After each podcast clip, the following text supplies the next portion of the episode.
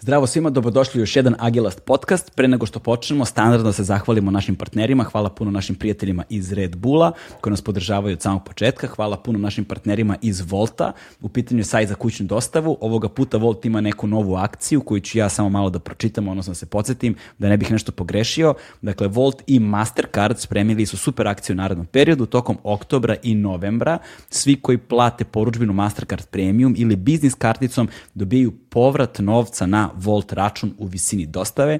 Ono što je najbolje od svega jeste koliko god puta da poručite, taj kredit, dobit ćete uvek povrat novca, tako da taj kredit možete da sakupljate ili da iskoristite odmah u sledećoj poručbini, a pored toga i standardna akcija, ukoliko iskoristite promo kod Agilast na Voltu, ostvarujete 400 dinara popusta prilikom prve poručbine. Dakle, ukoliko iskoristite kod sa imenom našeg podcasta Agilast, ostvarujete 400 dinara popusta. To je to što se tiče naših partnera. Ovaj, I dalje podržavamo akciju za pomoć maloj Aniki. Za one koji ne znaju, mala Anika je devojčica od dve godine koja ima redki, redko oboljenje mišićne distrofije koje nažalost većina dece ne preživi prvi rođendan, ona je doživjela svoj drugi rođendan i umeđu vremenu otkriven lek koji se daje samo jednom, ali on košta 2 miliona dolara i ukoliko na bilo koji način možete da pomognete ili raširite informaciju o pomoći maloj Janiki, bilo bi stvarno sjajno. Li, linkovi za to će vam biti prva stvar koju ćete vidjeti u opisu ovog videa, odnosno u opisu a, audio fajla gde god da nas slušate na kojoj god platformi. I to bi bilo to što se tiče servisnih informacija za početak, a sada da najavimo naše goste i kakav ćete razgovor slušati.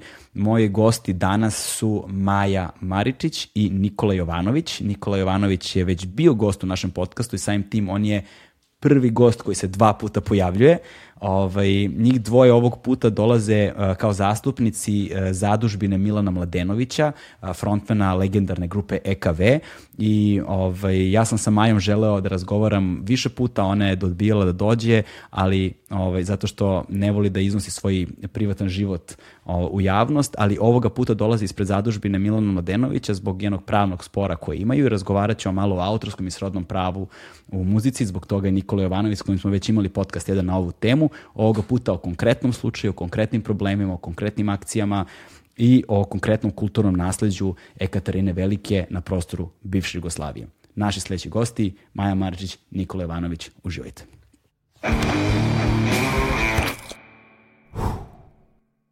Hmm.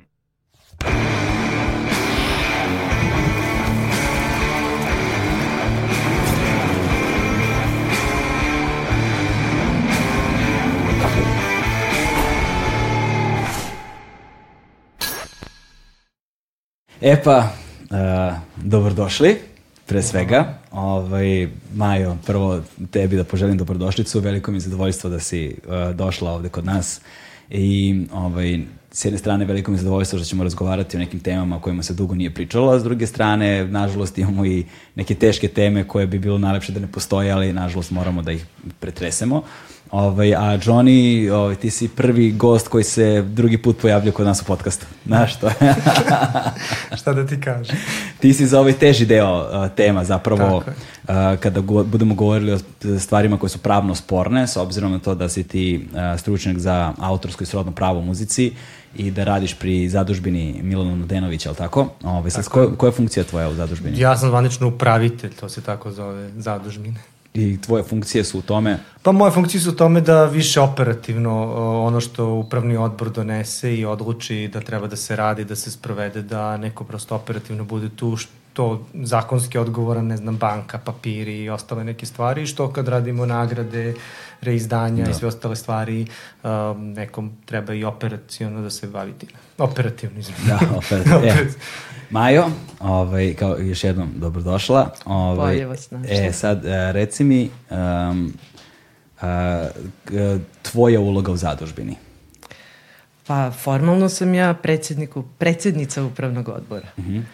A neformalno sam tu da radim sve što treba sve, sve što treba. Hajde, ovaj, pre nego što sve stvari stavimo u kontekst i tako dalje i počnemo da se bavimo njima na jednom širem planu, da uh, mi kažeš nešto više samo o zadužbini. Kada je zadužbina osnovana, sa kojim ciljem i tako dalje. Pa ovako, na, uh, zadužbina je osnovana 2018. godine uh, na osnovu naloga iz testamenta Milanove mame, koja je preminula 2017. godine osnivač zadužbine je njena rođena sestra koja je bila naslednik e, njenih svih prava.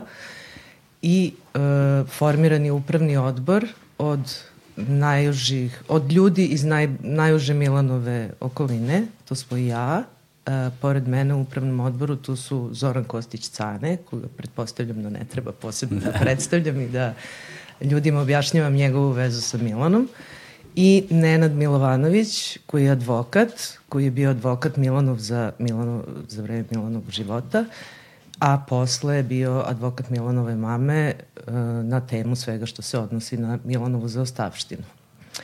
Uh, ciljevi zatužbine su uh, prvenstveno očuvanje sećenja na Milana, znači očuvanje Milanovog lika i dela, zatim uh, pravna zaštita njegove zaostavštine, u što spadaju autorska i srodna prava, kao i podsticanje uh, umetničkog stvaralaštva, kroz nagradu koju smo ustanovili i kroz još neke druge akcije. A, nagrada koju ste ustanovili a, je nagrada koja je zapravo treći put, je li tako? Drugi put Do, drugi je dodeljena ove godine, da. Mm. Drugi put dodeljena ove godine. Um, u pitanju je grupa koja se zove Dram, Dram, Dram je li tako? Ovaj, a, kada je zapravo tebe baš dugo nije bilo u javnosti ovde Nije me bilo uopšte Nije te bilo uopšte u javnosti, ono, ono, 20 i nešto godina, zapravo od Milanove smrti manje više, ali tako? Tako Nije me nikad bilo u javnosti, da. ni dok je on bio živ. Da, pa da, ali on, kao, bila si na neki način posredno, ajde da kažemo, prisutna, ovaj, ali sada si se angažovala, ovaj, počela se pojavljaš da li sa, sa osnivanjem zadužbine ili pre toga? Pa sa osnivanjem zadužbine prvenstveno, jer prosto, da tako kažem, funkcija mi nalaže da da. se pojavim i da nešto kaže. Ovaj, e sada, da bismo stavili stvari u kontekst, hajde da počnemo malo ovaj, da pričamo o celokupnom tom nasledđu, jel te, uh, Milana Mladenovića. E, znam da ne voliš puno da pričaš o tim stvarima, ne voliš, ne voliš zapravo uopšte da pričaš o tim stvarima zbog toga što ih ljudi uvek stavljaju u pogrešan kontekst. Naravno. Ovaj, I da se taj kontekst nekako uvek estradizuje i banalizuje i senzacionalistički pristupa, znaš, ono, izgubiš ime i prezime, postaneš ono, a, ovaj, nekakav objekat ono, u, koji se koristi na sceni. Znaš. Ove je. E sad, a, a, e, Milan i ti ste se upoznali zapravo tamo sredinom 80. godina, ali tako? 87. 87. godine. Kakav je duh vremena tada bio, ono, oslike na malo taj period i kao tu scenu koja je postojala tada i šta je zapravo EKV značio za uh, kulturno stvaralaštvo u to doba? Pa to vreme meni lično bilo fenomenalno vreme. Ja sam tad završavala srednju školu, išla u osmu Beogradsku, sadašnju treću, koja je na 150 metara od SKC-a. Bežali smo s časova u baštu SKC-a gde se sve dešavalo, gde su se okupljali koliko moji vršnjaci srednjoškolci, toliko i učesnici te neke kulturne scene koja je tada postojala. Uh, to je bilo vreme ludih koncerata, izlazaka, akademija, pa i mm. zvezda, da. Ove, a Ekaterina Velika u tom momentu bila na vrhuncu svoje popularnosti. Tada su krenuli da pune hale, imali su, ne znam, dva koncerta u hali Pionir, e, serije koncerata u Domu omladine. E.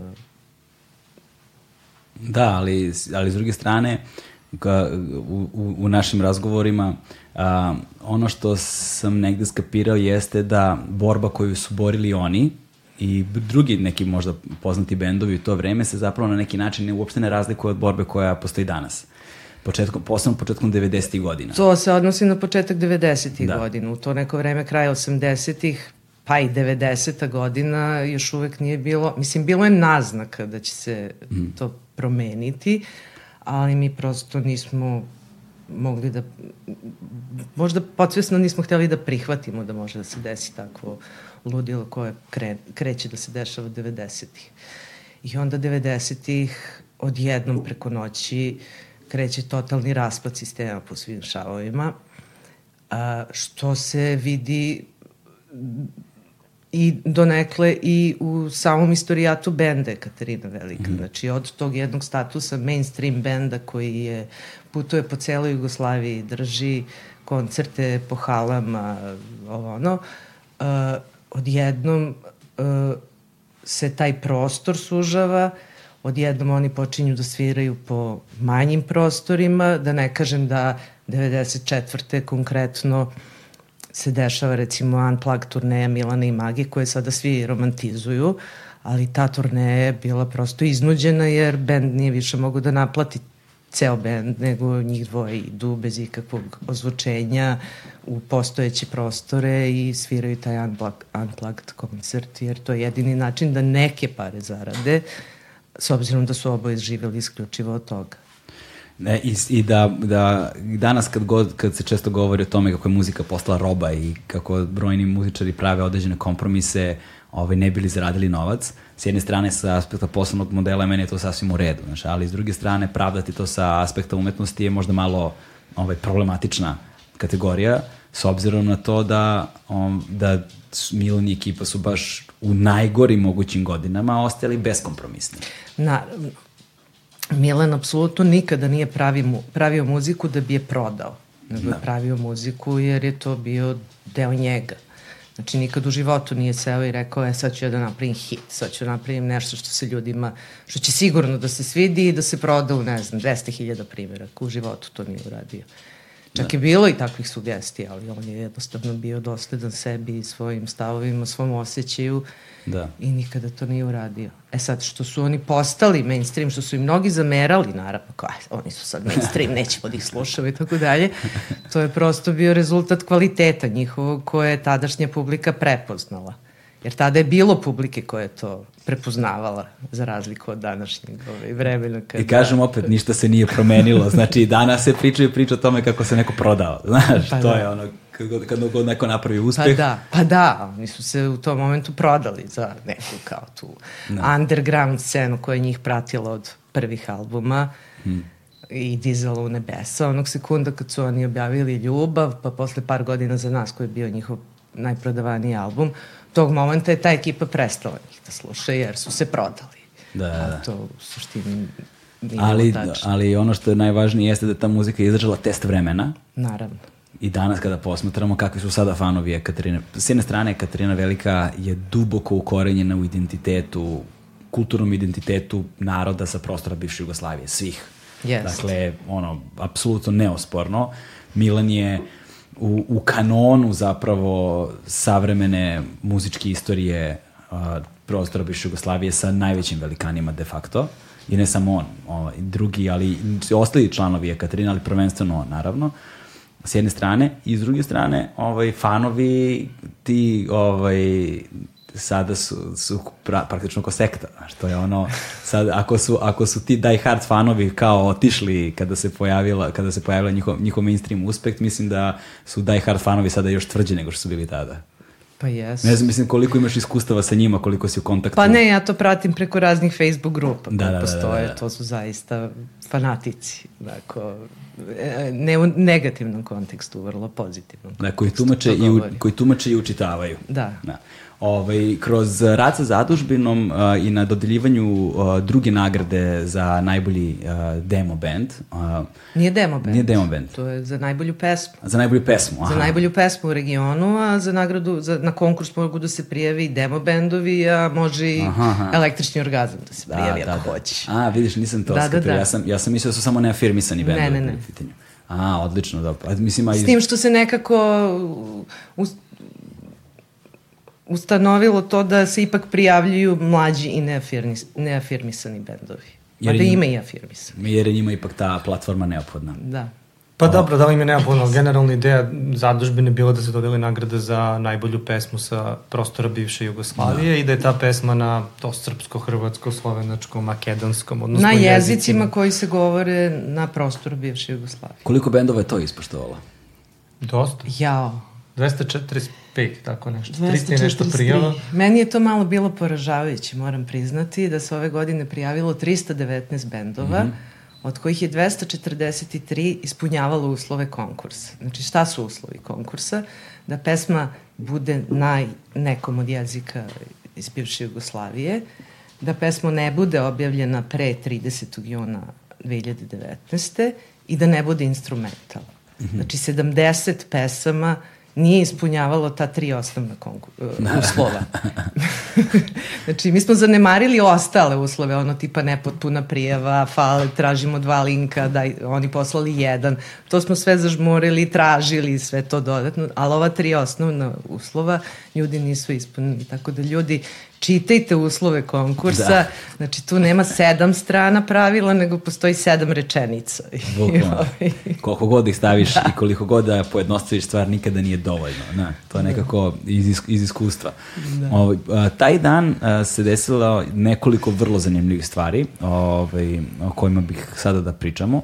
A, s jedne strane bila su dve premijere, bila je premijera kratkog dokumentarnog desetominutnog filma i o tom filmu i o tom materijalu i o tim okolnostima ćemo takođe govorimo, pa je bila premijera spota, a ovaj, ali pre svega toga uh, desilo se reizdanje albuma Angel's Breath iz 94. godine. Kako se, kako se to desilo i ovaj, šta je iniciralo to reizdanje? Uh, pa znaš kako, taj album je izašao u decembru 94. godine, mm. Znači mesec dana nakon što je Milan preminuo. Ove, ovaj, I u principu nikada nije zaživeo i nikada nije bio promo, promovisan onako kako je trebalo. Što zbog ovih okolnosti koje sam pomenula, a što zbog okolnosti da, su, da je bio rad, da su bile sankcije, da je bilo ludilo. Ove, ovaj, I onda je taj album nekako skrajnut. Znači, samo su neki najverniji fanovi došli do njega i znali za njega. I onda smo mi, kada je zadužbina osnovana, stupili u kontakt sa uh, ljudima iz Kroacije Rekordca, Uh, u stvari možda Nikola može bolje da ispriča. Jer je on bio direktni učesnik tih pregovora. Uh, malo pre zadužbene sam ja kroz svoju firmu u stvari počeo da se bavim zaštitom, uh, izdavačku kuću svoju, počeo da se bavim zaštitom Milanovih prava. Tako, smo se, tako sam ja upoznao Nenada i uh, pokušali da tad je još Milanova mama bila živa i sa njom smo napravili ugovor i pokušali smo da uh, nekako uredimo ta prava, jer ja kao fan NKV-a uvek me nerviralo to što sad ima ovo, što nema ovo, šta fali, šta ne fali, čija su izdanja prava, čija nisu. Znaš, bilo je puno piratskih tih da, da. snimaka. Približi se samo malo mikrofon. EKV se piratizovao godinama, to zna i Maja i bilo su i ona piratska izdanja, ono Brown, ko se seća i svašta to bilo i demo snimaka kako su curili iz PGP-a i, i raznih nekih stvari. I onda smo prvo uzeli da se, da se nekako uh, tim pravima pozabavimo malo ozbiljnije, da se to sve nešto prijavi i uredi kako treba. I ja sam bio jedan od tih srećnika koji je imao CD uh, Angels Breta i prva od stvari, pošto su tu prava potpuno čista, je bila pa što to ne bi uh, reizdali. I tad smo kontaktirali Subinu mamu i onda kad se zadužbina formirala, to nam je bila jedna od prvih stvari uh, ok, šta bi sad mogli, pošto, znaš, fanovi o kojima ti pričaš i koji ja poznam i koji poznaje Ma, Maja, o, svi su u fazonu šta još ima, šta, šta tu ima, dajte nam nešto. Sad, nažalost, iz Majne priča, ona će bolje to da kaže, ali nažalost nema, mislim, nema sad neobjavljenih albuma, pesama, snimaka, možemo samo da nađemo ono što ima i da to malo izvučemo i da uradimo kako treba. I onda je taj Angel's Breath nekako bio logičan izbor. Uh, Subina mama se naravno složila sa tim da se taj, uh, taj album reizda. Nažalost i Suba posle te 94. više nije sa nama, ne 94. nego 99. i 99. nije više sa nama i onda i taj album opet dobije potpuno neku desitu konotaciju. Mi smo par, par izdavača kontaktirali i odabrali se za sa Croatia Records, odnosno upravni odbor, kao nekoga ko to može regionalno da promoviše i ko može dosta partnerski da uđe u celu ovu priču sa nama, jer zadužbina ne raspolaže sa ne znam kakvim sredstvima, ona se isključivo finansira od, od Milanovih autorskih prava, vjerojatno ćemo se vratiti na to i u tom smislu treba nam neko ko može naš da isfinansira i ploču i da napravimo jednu promociju, drugu promociju, hoćemo radimo promociju u Novom Sadu i nekim drugim mestima, pa smo radili ove filmove koje si ti spomenuo, radili da. smo radili smo remaster spota uh, Crvo, kome isto Maja može da, da govori jer ga je ona pronašla. Uh, I taj album jeste ostao na, u, u smislu na YouTube-u, nekim fragmentima, segmentima, bilo je par fanova koje nešto, spot je krpljen od nekoliko različitih snimaka, jer niko nije imao ceo, ceo spot.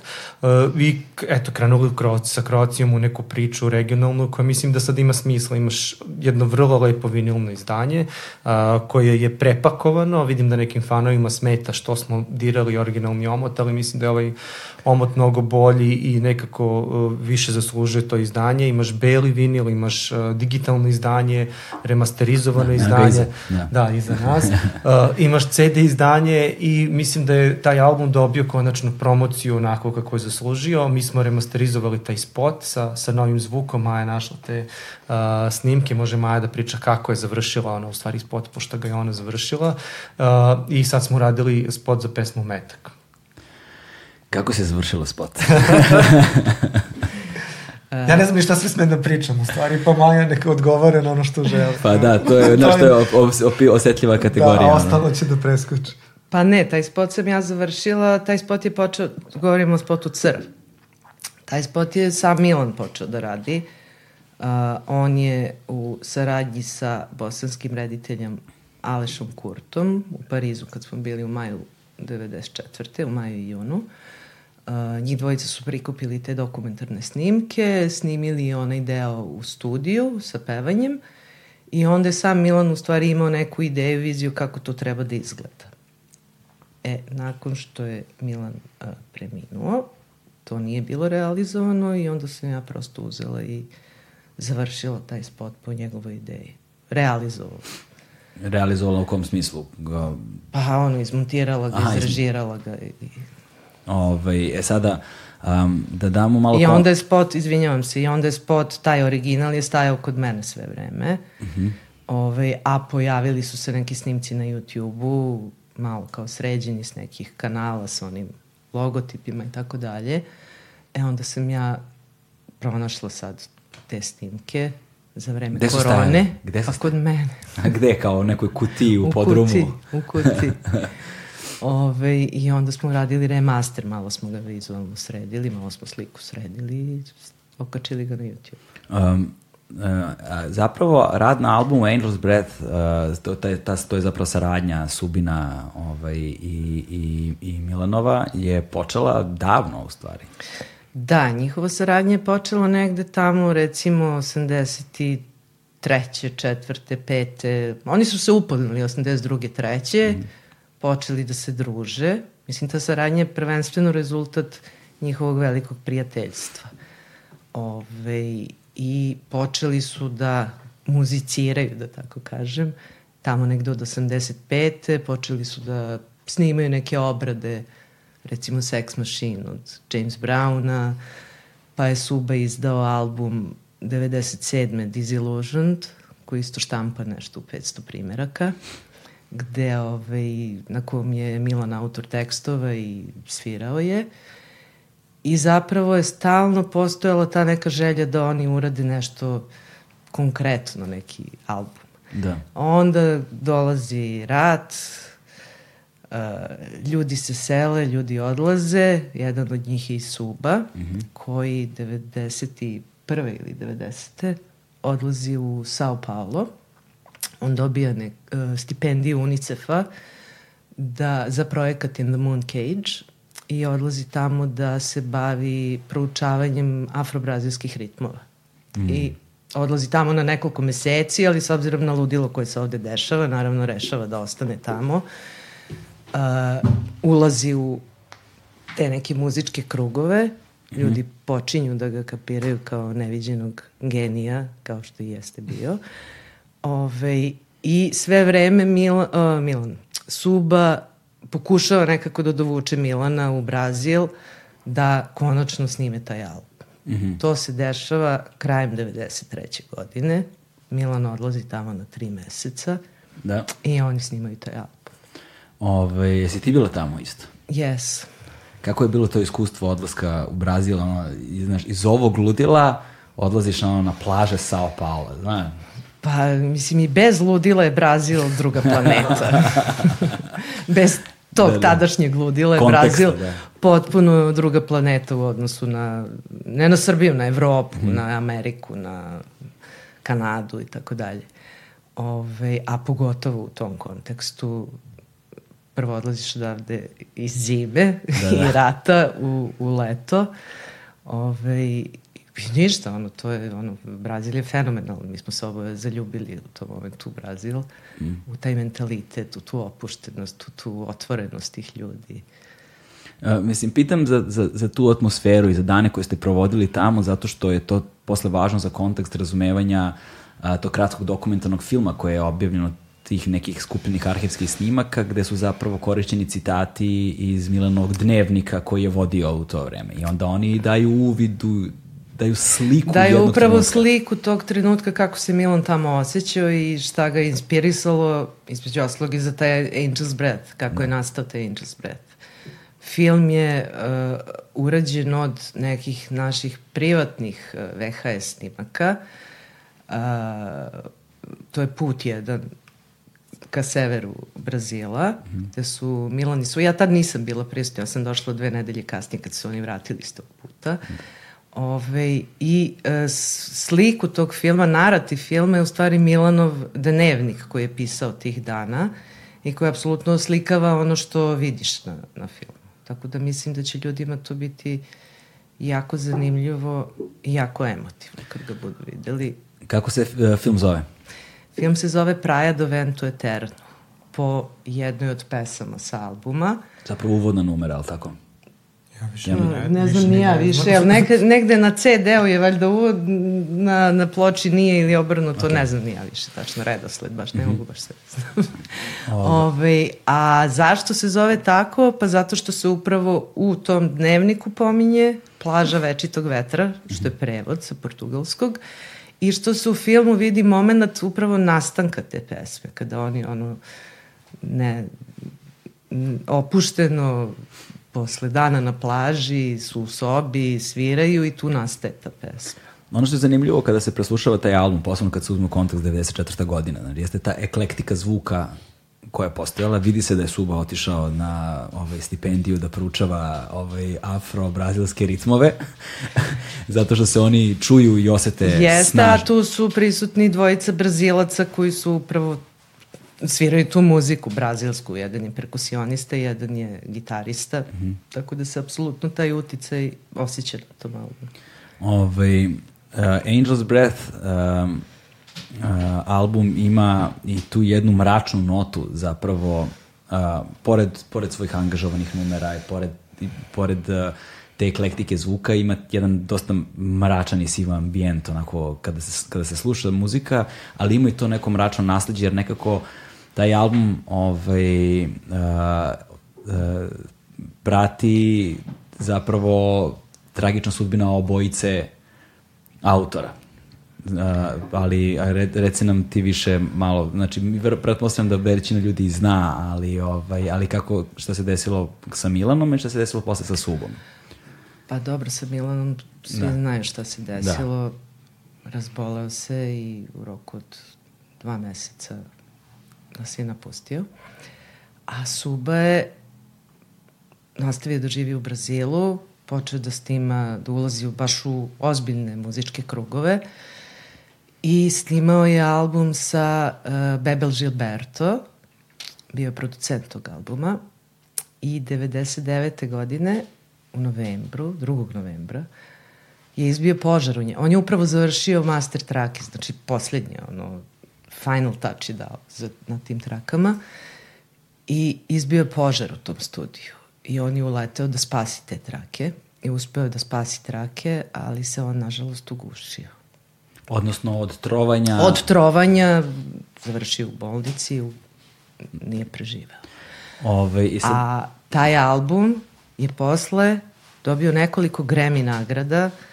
Uh, postoje najprodavaniji album brazilske muzike van Brazila.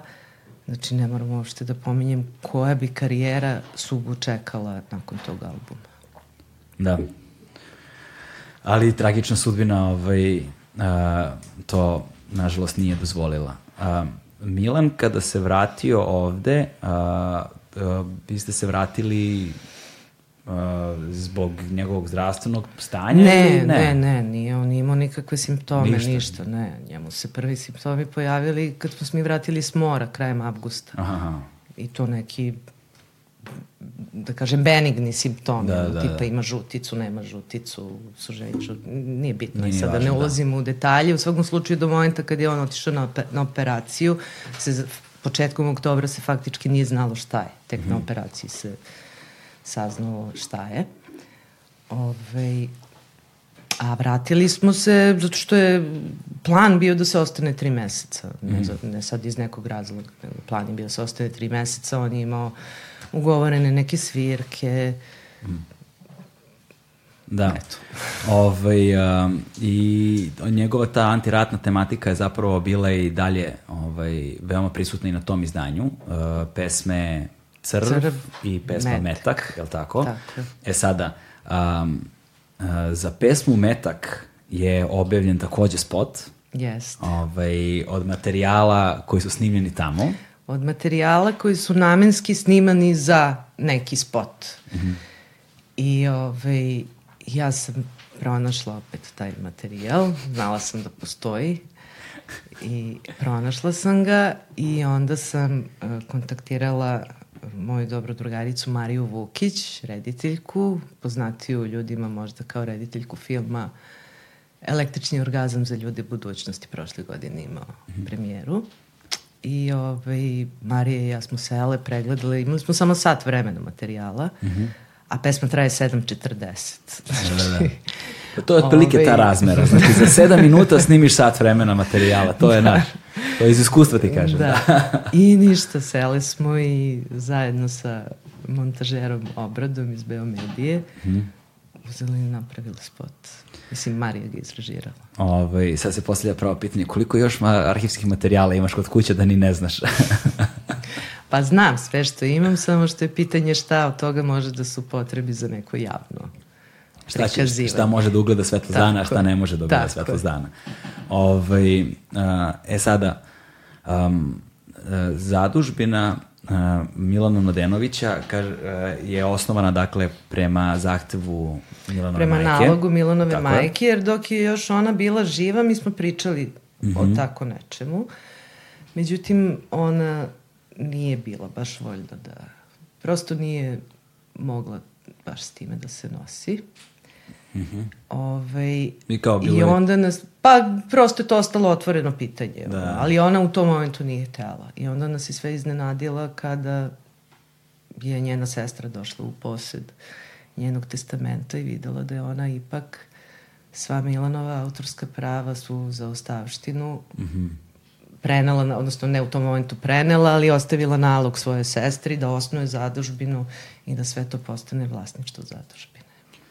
Znači niste znali za njenog života uopšte, nego tek kad je testament otkriven Tek kad je testament otkriven. Ovaj, I sada a, tu zapravo počinju naši problemi otprilike. da, kažemo, da kažemo tako, gde, gde bi bilo najbolje, gde bi bilo najbolje mesto da počnemo zapravo a, ono, ono što bi bilo važno da sada pomenemo? Koja bi bila dobra početna tačka? Pa ne znam. E, Ajde, ajde, ajde, ajde, ajde, da kažem, ajde da kažem, ajde da počnemo ovako. Ajde ti napravi mali uvod o čemu ćemo da pričamo. Da, da, dakle, a, dakle, a, e, s obzirom da je Nikola tu, ljudi koji su ga slušali kod mene u prethodnoj, ne, jedan od prethodnih epizoda mogu pretpostaviti da je osnovni problem takozvano autorsko i srodno pravo i to ko polaže pravo na a, muziku a, Milana Mladenovića, to jest e, Ekaterine Velike i a, ko polaže pravo na korišćenje njegovog lika i dela, to jest imena benda, žiga, za koje svrhe i na koji način. I ovaj, daj da počnemo ovako, mi kada smo, kada smo, nakon, uh, nakon manifestacije koja je bila, dakle, kada je Dodele kod- nagrade, dog- da. dodale nagrade, kada je dodala nagrada, dodeljena nagrada za najbolju regionalnu pesmu, kada je bila između ostalog i promocija Angel's Breath albuma i premijera tog kratkog dokumentarnog filma, kao i uh, spota za pesmu Metak. Ovaj, istog dana ili su, da sutradan sam video da se pojavila još jedna ovaj, uh, još jedan konkurs za najbolju pesmu uh, zadužbine Milana Mladenovića i grupe EKV. Kako originalno, zar ne? Da, ovaj, uh, o čemu se radi? Hoćeš ti, hoćeš ja. Ajde ti ispričaj to, a ja onda posle da bi ljudi e, shvatili o čemu se radi, ja ću morat, morati da se vratim malo u nas. Da. Ajde, A ti sad a, ispričaj šta Da, si. ajde, da. Uh, ovako, pa, prvo, mislim, mene kao i Maju to nervira to kad kreneš da pričaš kome pripadaju prava, Milan, mislim, kao jebote, izvinjavam se na da. izrazu, ali Milan pripada svima. Mislim, ja kao fan i Maja koja neko pravo vreme sa njim i Cane i ljudi koji su ga poznavali, ja nažalost nisam. Ali kao neko ko je slušao tu muziku i upio je i ono što si ti rekao na početku, to sam rekao i Hrvatskoj, ta muzika je utkana u DNK -hmm. generacija na ovim prostorima. I Milan pripada svima njima. Milan pripada svima nama i ta muzika i Magi i Bojan i svi ti ljudi koji su prošli kroz taj band i te pesme, to je prosto ono, naš, kao što je u Americi Bruce Springsteen ili ne znam što su Stonesi, nacionalno blago, britansko, Beatlesi, to je Ekaterina u nekom smislu u, u, u nama, okay. razumeš? I mi ne možemo da pričamo, ovde se ne radi o ratu, ovde se ne radi o borbi za Milana. Za Milanovu zaustavštinu. Mislim i tako neki budalaštine, kako naravno novinari to vole da onako zakite i, i, i ne znam šta radi, nego se radi o zakonu i o pravu i radi se o nekoj pravdi. Ja pre svega volim da mislim da je to neka pravda.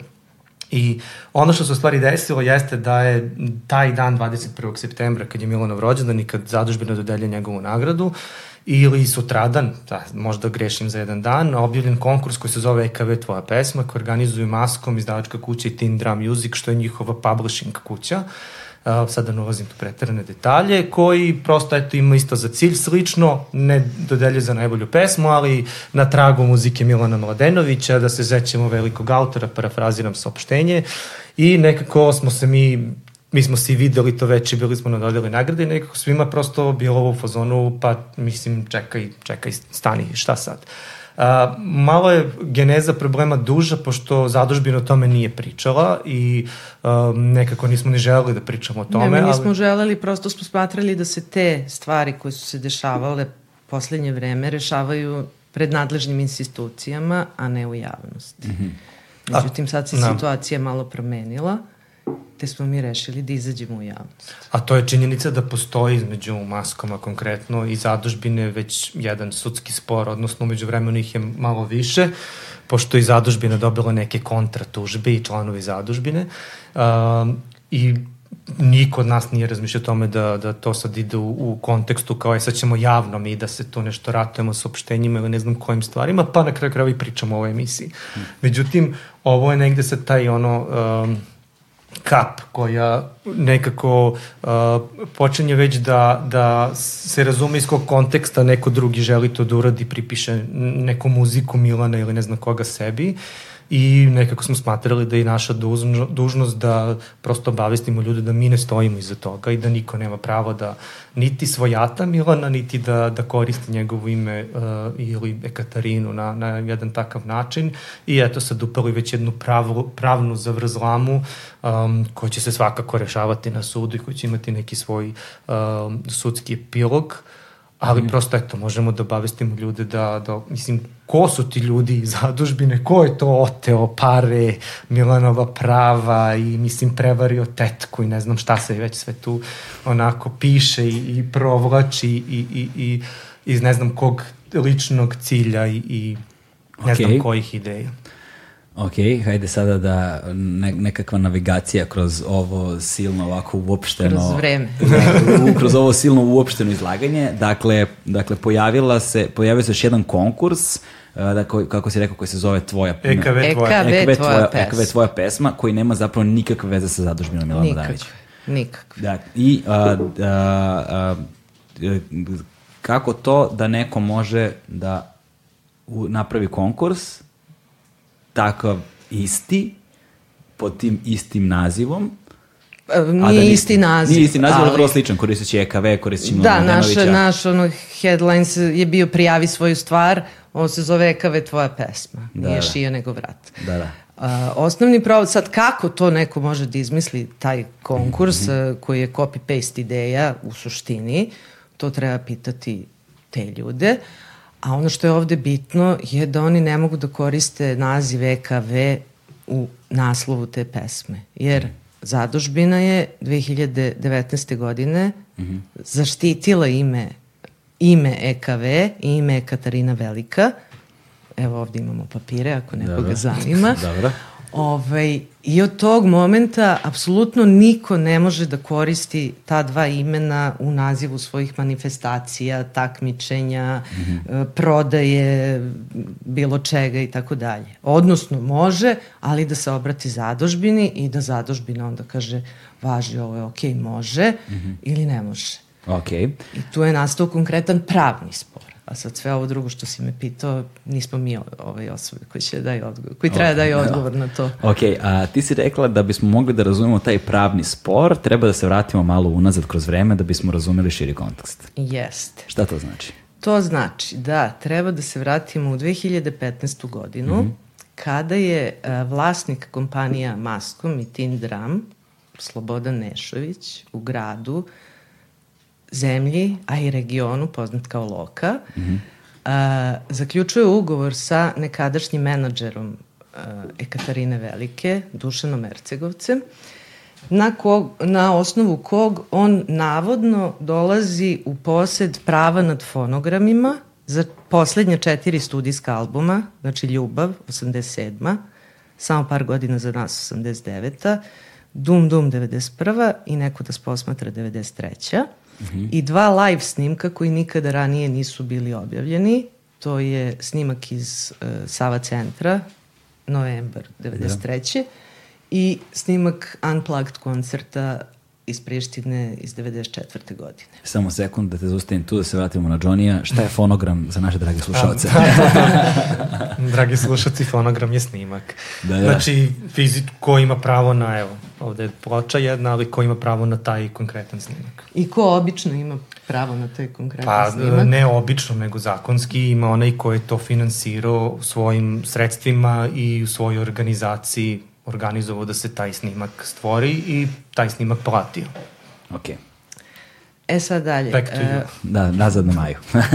bitan detalj u celoj priči je da je Dušan Ercegovac, nažalost, bio teško bolestan u tom momentu mm -hmm.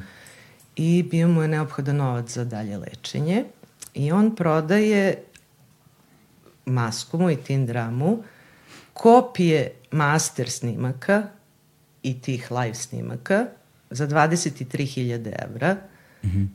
i uh, prema tumačenju naših advokata uh, taj ugovor uh, tim ugovorom je izvršen nezakonit prenos prava jer je uh, vlasnik tih fonograma, govorimo četiri studijska albuma, PGP RTS, mm -hmm. a za to postoje ugovori, da lepo piše ono, u prvoj rečenici ko finansira, ko obezbeđuje studio, ko plaća snimatelje, producente i tako dalje. Druga stvar, PGP je objavio te albume i PGP, ono što je najbitnije, posjeduje master trake u svojoj fonoteci. Što se tiče ovih uh, live snimaka, snimak iz Sava centra je bio u vlasništvu celog benda, jer je taj, to je snimljeno profesionalno, ali taj snimak je finansiran od honorara članova benda.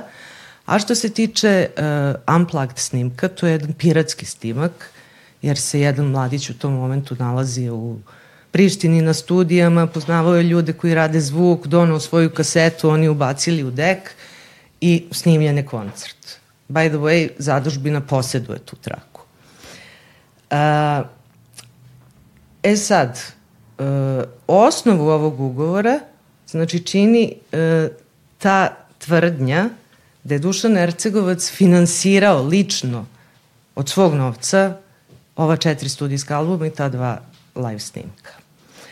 Ovu tvrdnju um, možemo neosporno da pobijemo činjenicom da Dušan Ercegovac postaje menadžere Katarine Velike tek krajem 1990. godine. Znači, nije bilo teoretske šanse da on investira u ljubavi par godina za nas. A nije finansirao ni ove druge albume, ali da sad ja to ovde ne objašnjavam, to će sud time da se bavi. Okay. Ovaj, I šta se dalje dešava? 2015. i 2016. Maskom objavljuje te snimke uh, bez dozvole PGP-a, bez dozvole Milanovih pravnih naslednika i uh, od samog starta uh, Milanovi pravni naslednici pokušavaju da naprave neki dogovor sa njima, međutim taj dogovor je nemoguć, bio nemoguć i Upravni odbor zadužbine 2019. godine uh, donosi odluku da se obrati nadležnim institucijama, odnosno sudu. I u januaru 2020. godine mi ovaj, podnosimo tužbu i taj spor je sad u toku. E sad bi ja malo popijem vode. Slobodno. Ja, kad sam, kad, kad sam da kažem, taj a, dogovor znači, nije... to je, to je geneza spora, a posle sad ćemo da pređemo na uh, Da, dalje. samo kad, kad samo malo pre si rekla da taj spor, da taj dogovor nije mogao da bude postignut, šta, šta to znači? Kao, našli ste negde i posvađali ste se. Potakli. Pa nismo se posvađali, posvađali ali ovaj, prosto ono kad ilaziš na zid, kad nema dogovora, kad neko mm -hmm. smatra da su sva prava u njegovim rukama, da ima apsolutno pravo da radi to što radi, ok, to se zove nemogućnost posti, postizanja dogovora. dobro. I prelazimo E dalje. sad, ovaj... Lepo, a, inače, inače, malo pre e, ste pomenuli dakle, da postoji ugovor sa RTS-om koji lepo objašnjava se. Ja vidio sam malo pre da si ti poneo fazon ugovore sa sobom. Čekaj, evo ga ugovor. Znači, Mila Mladenović, zastupnik grupe Katarina Velika, predmet snimanja izdanja 210593, sad neki brojevi, pa, ne znam, pesme iznad grada, srce sinhro, nisam mislio na to, kao 89. godina, 14. četvrti. To je jedan ugovor, na primjer. Evo ga drugi ugovor, ovo je 88. godina, isto je Milan Mladenović, treći bulevar, zastupnik grupe, grupe Katarina Verika, PGP, makedonska, ne znam, isto snimanje izdana Ljubav. Mislim, Ne, ono što je, mislim, najbitnija možda rečenica iz ovih ugovora koji, koje se pojavljuju svuda je da svi troškovi snimanja padaju na teret PGP RTS u tom momentu. Što, tu se vraćamo na ono što si RTB-a malo... u tom RTB momentu. u tom momentu. Tu, tu se vraćamo na ono što si ti malo prepomenuo.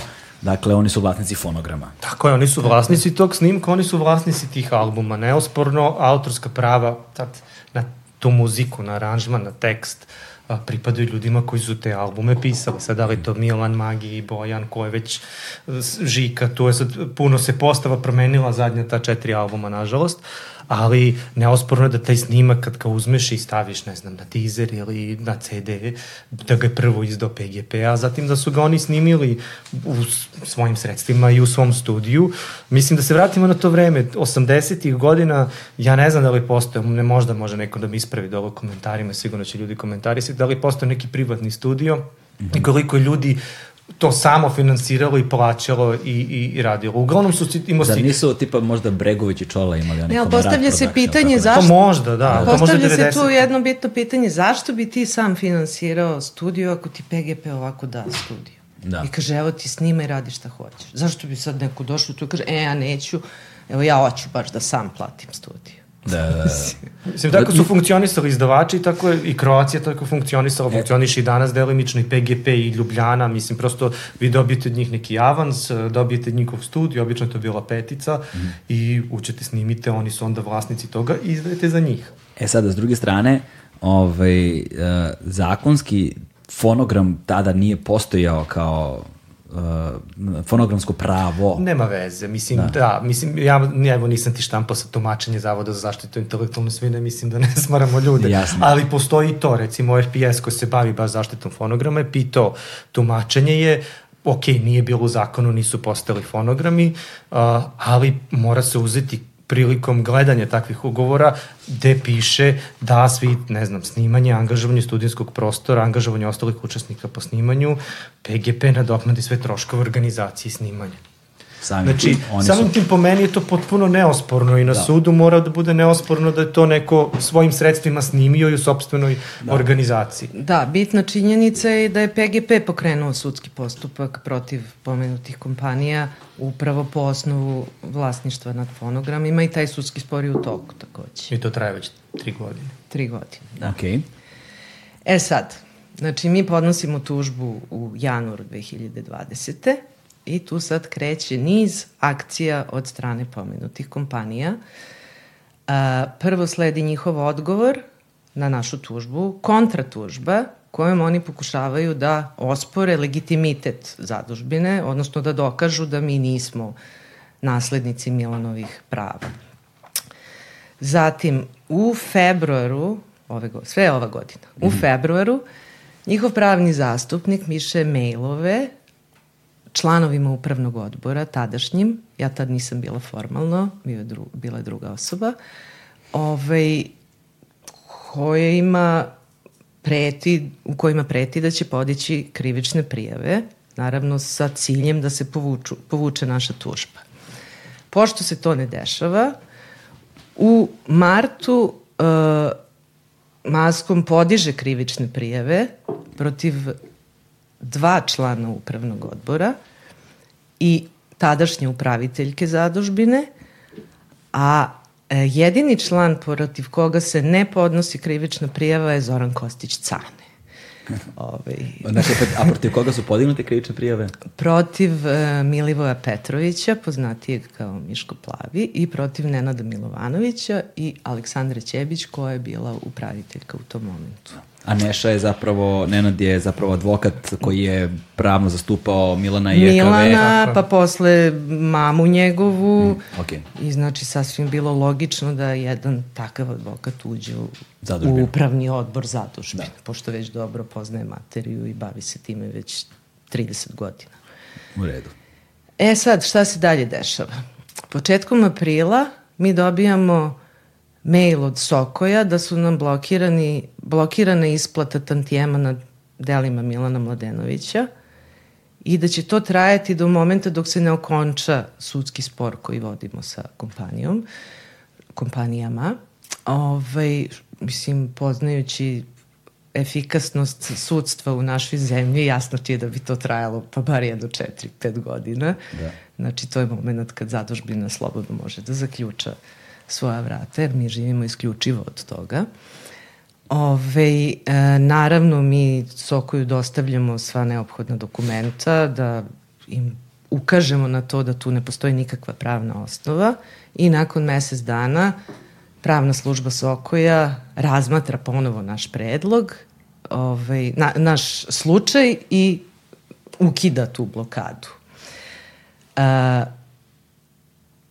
u maju ove godine uh, prav, advokati pomenutih kompanija šalju pismo osnivaču zadužbine u kojoj tako zastrašuju malo.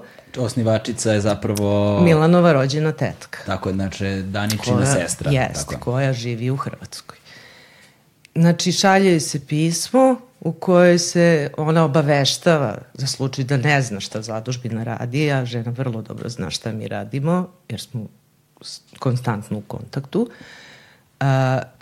da oni vode spor sa zadužbinom i da će oni taj spor dobiti, a pošto zadužbina nema sredstava, da će sve to biti naplaćeno od ne, njene lične imovine, svi ti troškovi.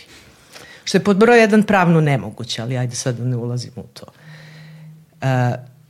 E sad, pošto i dalje mi ne, nemamo nameru da povučemo tužbu, jer to je svrha postojanja zadužbine je zaštita prava za ostavštine Milana Mladenovića.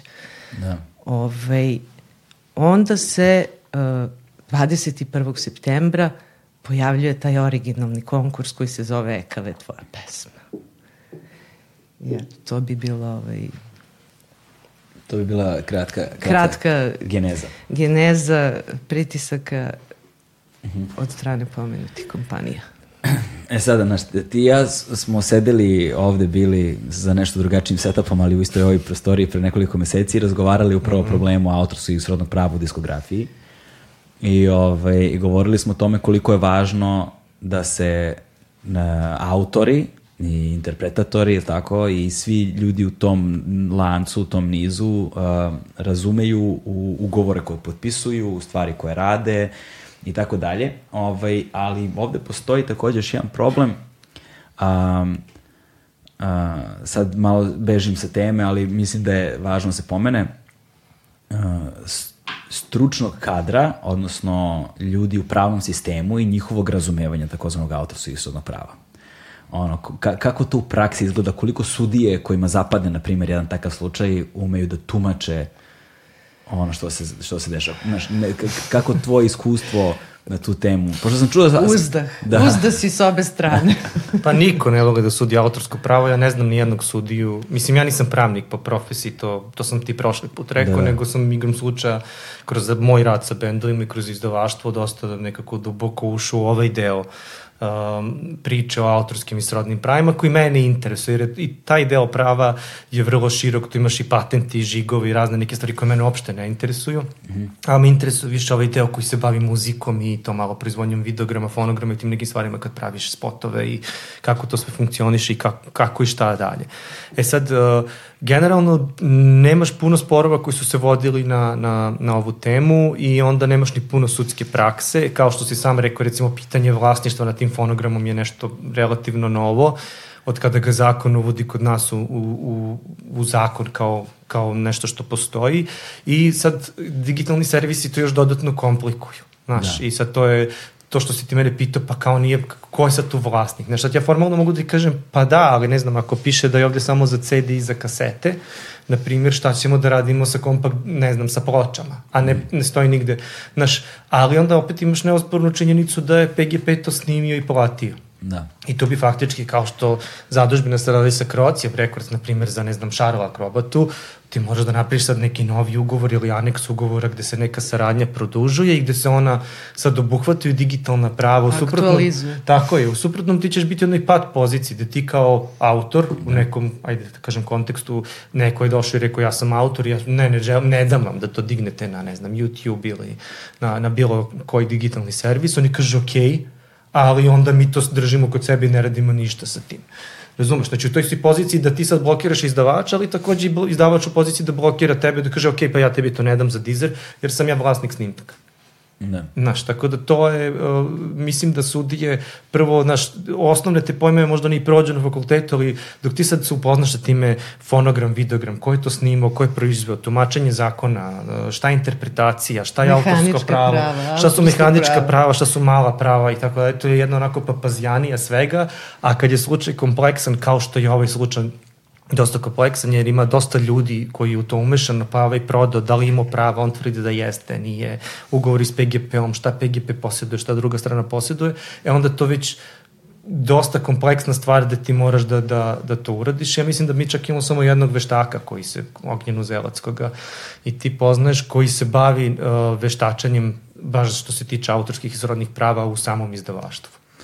Ovaj, a ovde imamo i taj nesrećni slučaj da nažalost ono, Milan više nije jel te, sa nama, njegova majka takođe više nije sa nama, a nažalost ni Dula Ercegovac takođe njegov menadžer koji je potpisao i prodao zapravo isto je preminuo 2016. On je preminuo ne? godinu dana nakon što je nakon što je manje nego godinu. Manje nego godinu dana i sada se nalazimo u toj poziciji gde treba kao da se ovo raščivija sve, a umeđu vremenu... Pa puno aktera ti mislim, nažalost, da. nije živo. I Magi, i Bojan, i, i mnogi ljudi koji su bili deo te scene i koje Maja poznavala i koji da. bi možda mogli da svedoči i pričaju tome, posvedoče kako se šta dešavalo, nažalost nisu tu. Ali, Ali ima na sreću ima oni koji jesu i koji vrlo dobro znaju šta mm. se tu dešavalo.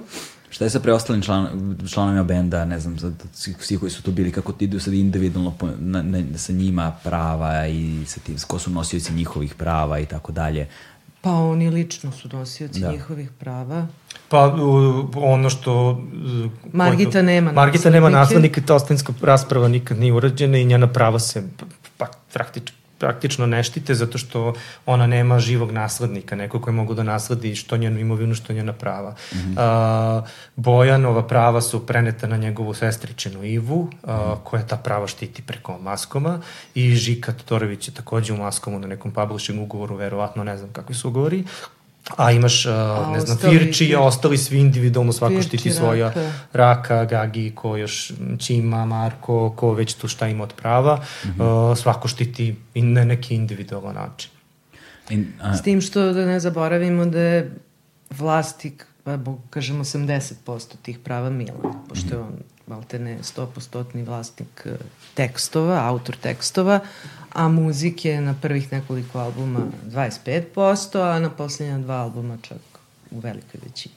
U velikoj većini. I sada koji je, znaš, sad, teško je voditi ove razgovore, s jedne strane kao hodaš po vrlo osetljivom terenu, s druge strane ne smeš da budeš spekulativan i treća stvar je kao niko od nas ovde nije pravnik. Znaš, kao niko da se... nije pravnik, ali samo smo bar ovo što sam ja iznala, iznala sam činjenice, ništa da. ne spekuliše, nego sam samo neke činjenice Ali kažeš da, koje su neosporne. Kaže, kažeš da se zadužbina finansira isključivo od autorskih, autorskih prava. prava da. Ukoliko je vama Sokoj... Od autorskih prava dobili smo od Sokoja prošle i ove godine po 100.000 dinara za Organizaciju na, za organizaciju nagrade, nagrade uh Mhm. -huh. i dobili smo od OFPS-a OFPS, po, ne znam, 40.000 dinara. A OFPS je skraćenica od...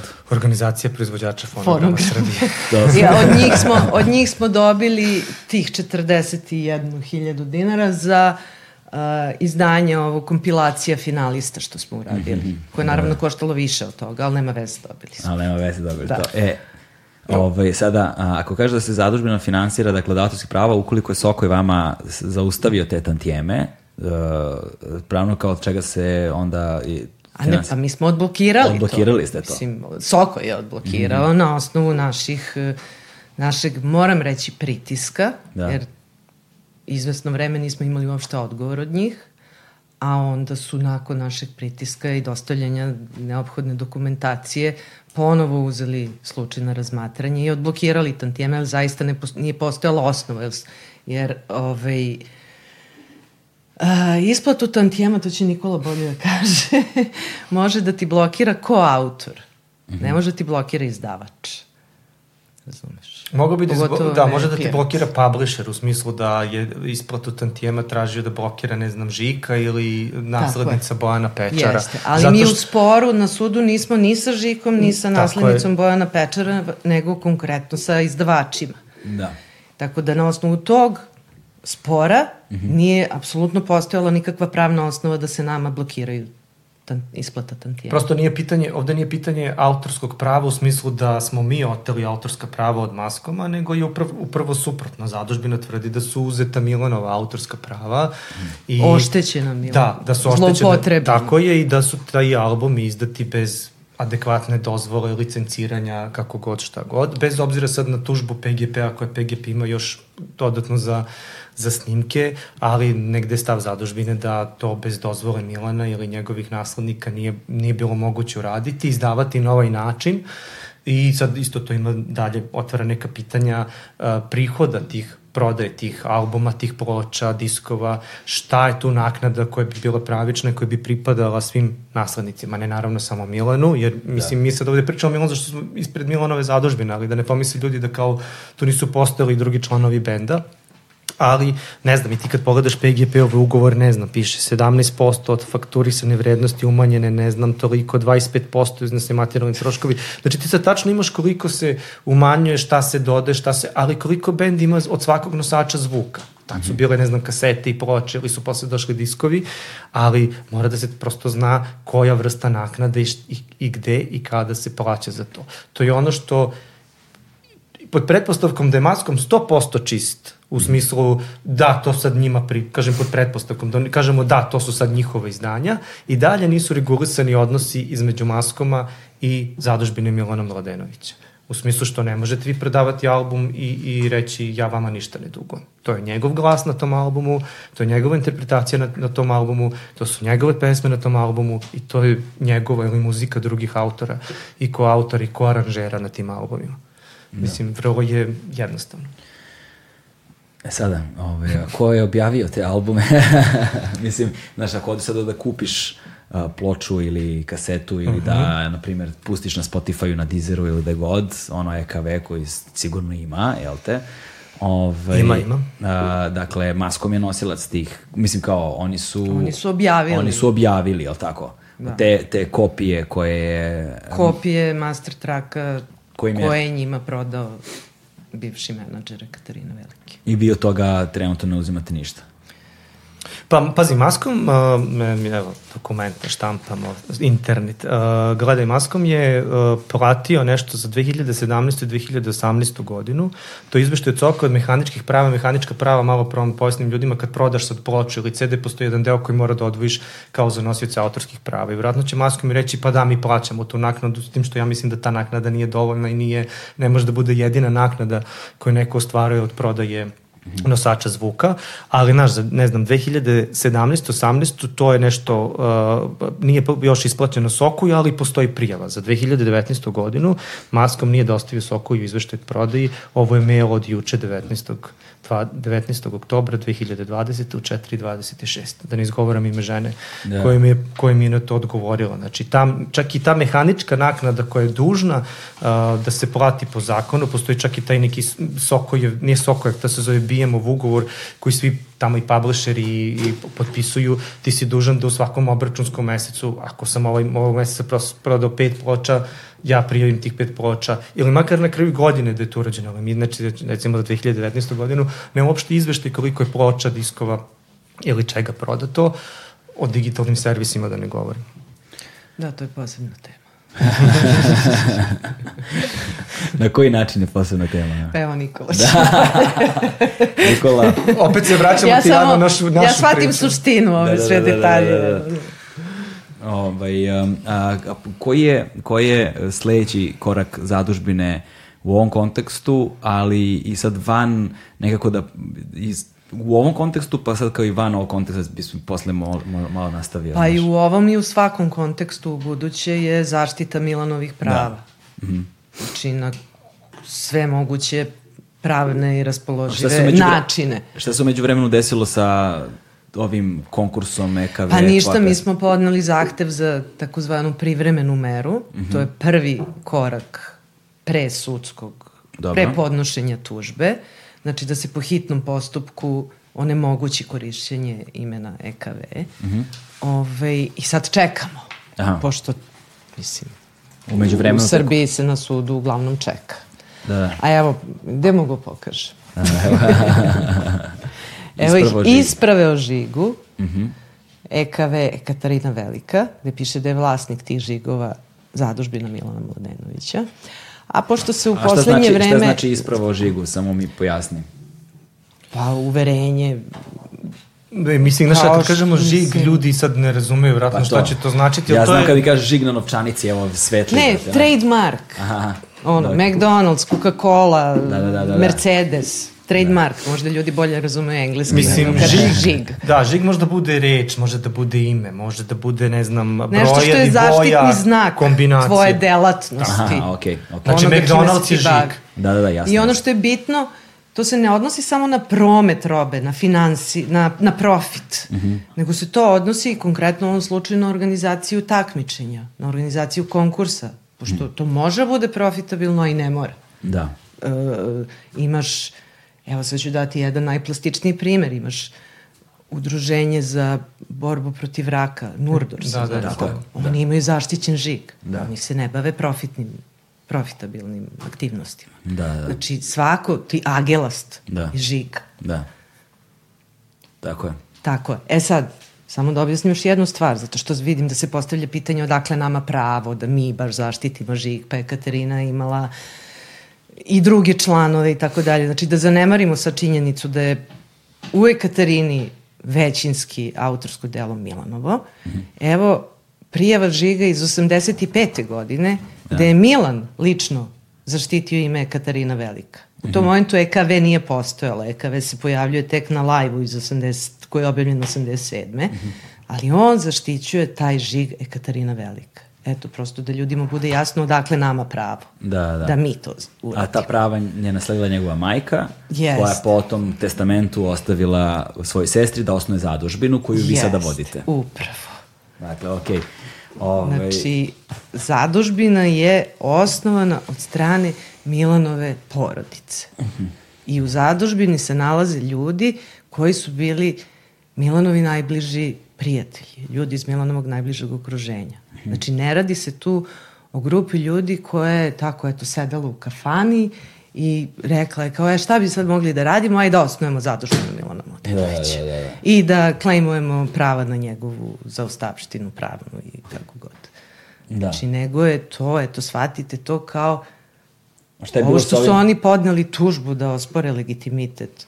To ti je ono kao podnose tužbu protiv Milana da je vlasnik svoje zaostavštine. Eto tako, najplastičnije da objasnim. Na kako tragično deluje ono kada posmatraš... Mislim, sve to strašno. Da. Znaš, pogotovo ovo što smo mi rešili da izađemo u javnost. To je bila stvarno poslednji, poslednja mera koju smo hteli da preduzmemo. Nismo hteli, jer smatramo zaista da se te stvari rešavaju na sudu. Ali kad je došlo do ove konfuzije, nagrada Milan Mladenović, Ekava je tvoja pesma, ludilo, mi smo morali prosto se ogradimo Da, od ja svega sam vidio toga. na nekim sajtovima je čak stajalo ovaj, pobednik uh, Dram. takmičenja. Bio je članak jedan u kome u istom članku stoji i pobednik takmičenja i održana nagrada Milan, dodeljena nagrada Milan Mladenović i konkurs EKV tvoja pesma. Pa sad jedan prosečan čitalac, mislim, je totalno sluđen. Ne prosečan, ljudi koji prate ovo što se dešava, da, da. su bili sluđeni. Kao, pa čekaj, šta je sad ovo? Da. E sad, ta, to, to, to, iskoračiti u javnost i govoriti o ovakvim stvarima je zapravo ne samo pravno, već i intimno, lično težak, težak korak u suštini za bilo koga.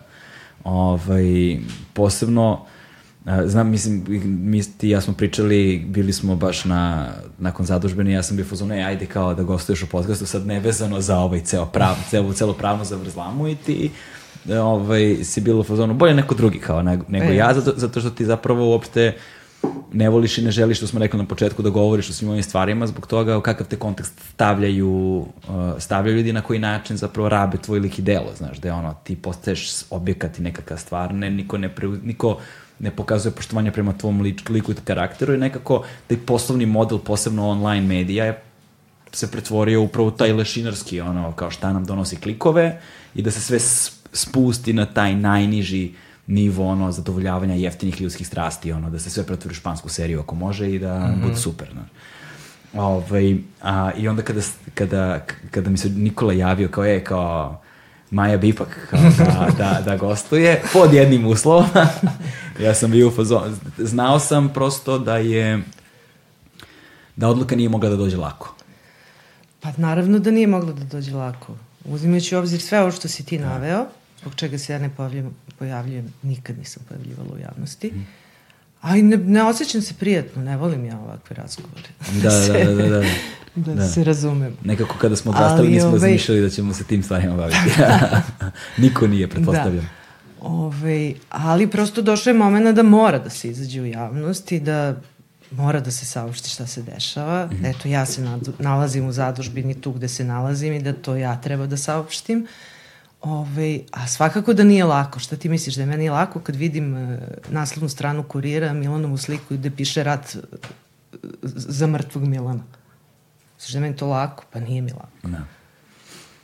Znaš, tako da sve je to strašno, ali ovaj, ne odustajemo. Da. Ali s druge strane, ovaj, a, ti si ovde sad nešto još kratko, koliko sam razumeo, ti zapravo ne živiš u Srbiji uopšte. E, ne živim poslednjih sedam godina, živim gde? U Brazilu. Znači, znači ipak da, su... I, o, obrnuo se krug i neki moj život me odveo ponovo u Brazil. Ja tamo živim, sad sam došla ovde u martu, tri dana pred vanredno stanje. aha. ovaj, upravo zbog zadužbine i bit ću tu sad još neko vreme, pa se vraćam tamo, pa ću onda opet da dođem, bit ću na... Real, mogu sebi da organizujem život tako da budem malo tamo, malo ovde i da se sve vreme bavim zadužbinom. Ovaj, kada, e, kada govorimo o konkursu koji je zadužbina organizovala i o pobednicima, ta e, grupa Dram, e, kako mi se zove pesma? Daj mi sve. Daj mi sve. Ovaj, koliko ovakve stvari njima otežavaju sada ono, taj, taj put koji im je zapravo omogućila zadužbena i pobed, pobeda na toj regionalnoj regionalnom takmičenju. Konkretno ove sad Da, da, stvari da, da, da. ružne o kojima pričam, Da, da. pa ne verujem ja da to njima nešto otežava. Da, da, da. Naprotiv, mislim da im to što su dobili nagradu Milan Mladenović, Mhm.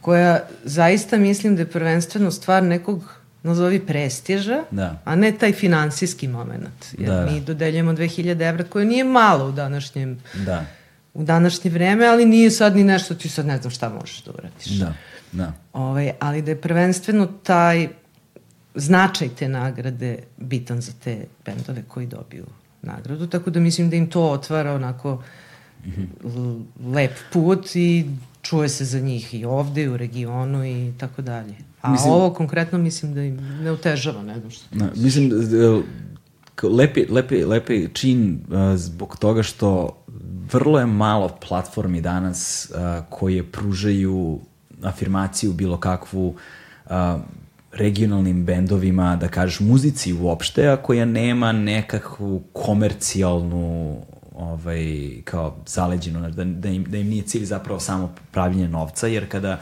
jer nekako, to, da znam da to stalno pominjemo, znači to se non stop vrti u krug kao, kao to se non stop vrti kao u krug kao tema i to je razlog, je glavni razlog zato što sam ja otišao iz tradicionalnih medija i počeo da radim ovo svoje, jeste zato što na uredničke pozicije su došli menadžeri i zato što je celokupno kulturno stvaralaštvo u ovoj zemlji, ne, ali ne samo i ovde, nego to je već globalna, globalna stvar, postala vođena poslovnim modelom. Znači šta je profitabilno, šta može, kako kažu online, da se monetizuje i tu počinje završava se svaki dalji razgovor. Odluke o sadržaju se donose na osnovu monetizacije, ne na osnovu takozvane uređivačke politike, ne na osnovu onoga što se na, ne osnovu nekakvih podataka može doneti kao zaključak, gde se do, dođu ljudi sa određenim iskustvom, dolaze ljudi sa određenim znanjem, na osnovu podataka koje dobijaju tržišno posmatrano i da dođu i kažu, e, kao, ovo je sada nekakva nešto što mislimo da je vredno, nešto što mislimo da je važno, da imamo neku moralnu, etičku, ovakvu ili onakvu, ne. Šta donosi lovu, šta ne donosi lovu i kao tu počinje, tu se sve završava. I mislim da je zbog toga baš značajno da postoje stvari kao, o, kao nagrada koju dodeljuje zadužbina Milana Mladenovića i da nosi ime Milana Mladenovića zato što on nekako ostao simbol tog umetničkog u muzici. Umetničkog i umetničkog puta bez kompromisa, bez podilaženja upravo tim stvarima kojima si pričao. Da. A, i, I super je bila ekipa koja je učestvovala zapravo u selekciji Jeste, to je poenta je da u tom stručnom žiriju sede zaista neki stručni ljudi. A ne menadžeri. A ne... Ko su bili ljudi stručnom žiriju i, i uh, kako je izgledala saradnja sa njima? Ove zapravo? godine su to bili Darko Rundek, Srđan Gojković-Gile mm -hmm. i Mirela Priselac Remi iz Elementala. Prošle godine su to bili Zoran Kostić-Cane, Vasil Hadžimanov i Aleksandar Žikić. Mm -hmm. Ove godine i prošle je saradnja savršeno da. tekla, oni su to preslušavali, birali smo prvi krug, drugi krug, uži krug, finaliste. Da, zaš... Bili su sad razni komentari tu da mm. je žiri nestručan, što je meni zaista fenomenalno da neko može da izgovori da žiri koji zajedno ima 100 godina uspešne karijere, da, da. ali al bukvalno 100. Da, da. Gile 40, Rundek 40 i Remi 20, mm -hmm. da su oni nekompetentni. Da. Ove, pod broj 1 dolazimo do toga šta znači biti kompetentan za to mhm. šta ti je najbolja pesma. Pa ja sam kompetentna. Svi smo mi kompetentni za to. A pogotovo ljudi koji se baš bave time. Da. Ko ti si nekompetentan. Ali dobro, mislim, de gustibus, ono što bi se... Mislim da ljudi tu imaju problem, znaš, oni svi očekuju da, ti, da je to kao konkurs koji je usmeren na Milana i na ono što je EKV i da to mora da zvuči tako i da ima apsolutno iste veze sa Katarinom ili sa, sa Milanom, a nekako i kad smo mi pričali o nagradi, ideje da to bude i zato je žiri vrlo šarenolik, uh, traži se najbolja pesma, ok, nećemo tražiti narodnjake ili ne znam šta, ali može to da bude i hip-hopa i roka i ovoga da, i onoga. Da, to je konkurs koji nije žanrovski opredeljen, da. znači to je neka dobra muzika, ajde tako ono najbanalnije da. kažeš. I tu dolazimo do onoga kad ljudi kažu kao naš ukusima se ne raspravlja, još šta ti ja znam, ali da zapravo neke odrednice, mislim, izgubljeno je malo uh, komuniciranje o muzici na nivou kao nečega što je kvalitetno ili neko, znaš, šta to danas uopšte znači? Znaš, jer toliko smo zalepili tih etiketa poslednjih ono 20-30 godina unazad, toliko smo se ono polarizovali, podelili, toliko su se onda posle nešto veštački mirili, toliko je posle tržište kroz digitalno, kroz digitalizaciju pojalo sve da ti više izgubljen ti je kompas bilo kakav u tome uh, da odrediš šta je na osnovu čega, a neverovatno je koliko su ljudi na osnovu tih kulturoloških tačaka identiteta ono dele, znaš, mm. koliko im je strašno važno i osjećaju se uvređeni ili ne. Ali opet kažem, ta tema nije nova, bila je to I tada, znaš, kao kada su EKV postali mainstream band, gomila da, fanova kao otišla. Je... Gotovo, prodali se. Znaš, taj kontekst se nešto mnogo nije ni promenio danas, ali zato, ali zato mi je super to što recimo ti radiš, Nikola, zato što uh, on, uspeh koji si ti postigao sa Butch Cassidyjem recimo i, i načina gde to je ono što, o čemu sam sa Kojotom pričao ovde mm -hmm. kada je mhm. bio kod podcastu gde je rekao kao ljudi treba vam menadžer Znači kao bendu treba menadžer koji će se baviti upravo tim stvarima koje nisu kreativni deo ono, pravljenja muzike. Znači sve što uspada u kreativni proces, bend, i onda imaš pridodatog člana benda, koji je ravnopravni zapravo član benda, koji je menadžer, koji da. vodi računa o tim stvarima, a onda nakon toga treba da postoje nekakve kulturne institucije, institucije kulture da kažeš i nekakav, nekakav lanac u toj nekoj industriji muzičkoj šta god to bilo koji će takođe voditi računa svako o svom segmentu posla. Negde je muzičko novinarstvo nestalo, muzičke recenzije su nestale. Pa evo ti to vidiš na primjeru, ja sad to stvarno moram da pomenem, Angel's Breath. Da. Znači izašle su četiri ili pet recenzija Isključivo su hrvatski portali i novine objavile te recenzije, zaista prave recenzije muzičke. Da. U Srbiji je to bilo copy-paste našeg saopštenja. Znači ne postoji muzička kritika više ovde, što da. je tragično po meni.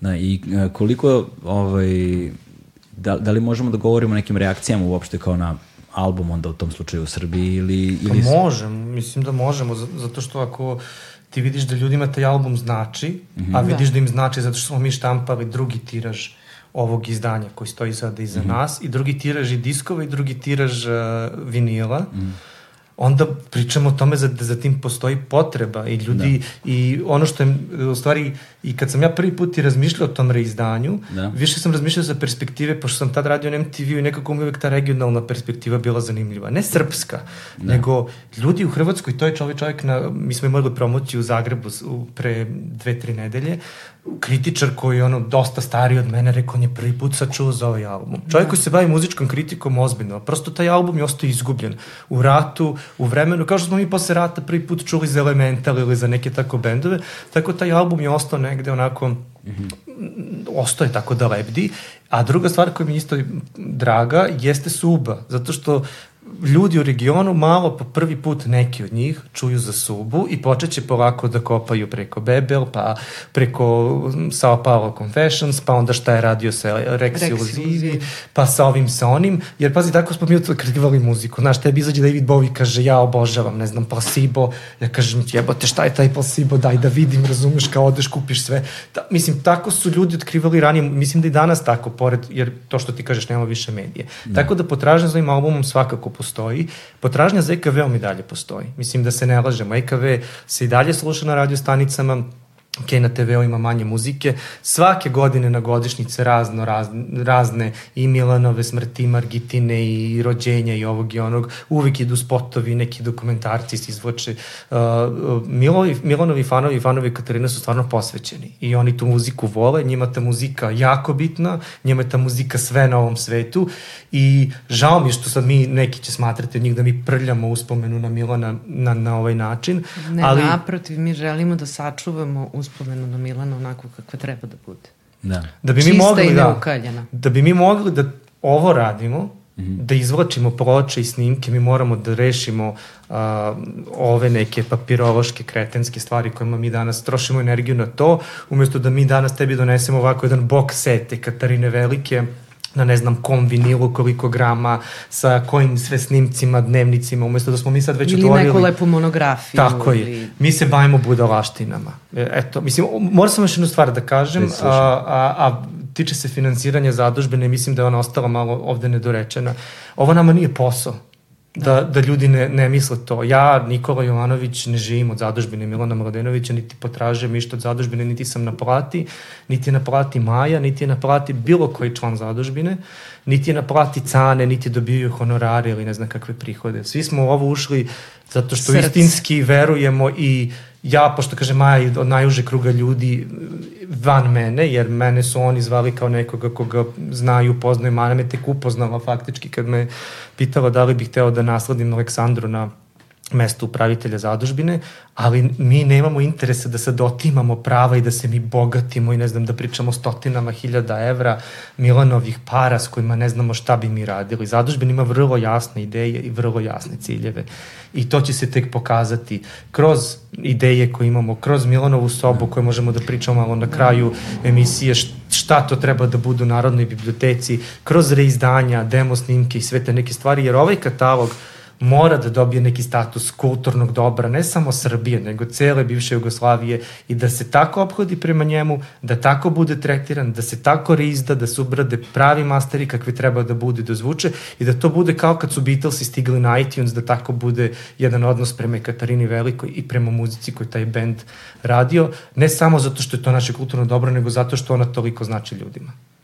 E sad, uh, ono što sam ja htio da pomenem jeste da uh, upravo mislim da se čuva super nasledđe Milana Mladenovića kad uzmemo u kontekst sve ono što smo pomenjali malo pre, ceo taj predatorski sistem i telešinarske medije i tako dalje, ovaj, baš činjenicu da ti uopšte nisi istupala u javnost i da se i mi ovde trudimo uvek u ogradama da budemo i da ne uplićemo intimni, privatni kontekst onoga što je zapravo posao koji vi obavljate. Znaš, da, I da bavljenje kulturom ne pretpostavlja da pričamo o tome da li je neko bio ili nije bio u intimnom ili kakvom odnosu sa nekim drugim, kako su izgledali njihovi dani, da li su se provodili, šta su bile priče iza kulisa, ko je se sa kime svađao ili se nije svađao, da li su, ne znam, ovi ili oni bili inspiracije, nisu bili inspiracije, to su sve zapravo nekako stvari koje su nevažne. Znači, meni se dešava često kada razgovaramo u, kad, kad imamo neke sagovornike u podcastima, pa vidimo da li, pa, pa, me, pa mi ljudi dođu i kažu kao, jo, e, trebalo je da ga pitaš ili da je pitaš za ovog, za ovo, za ono, da, ljudi kao to nije... To je nebitno.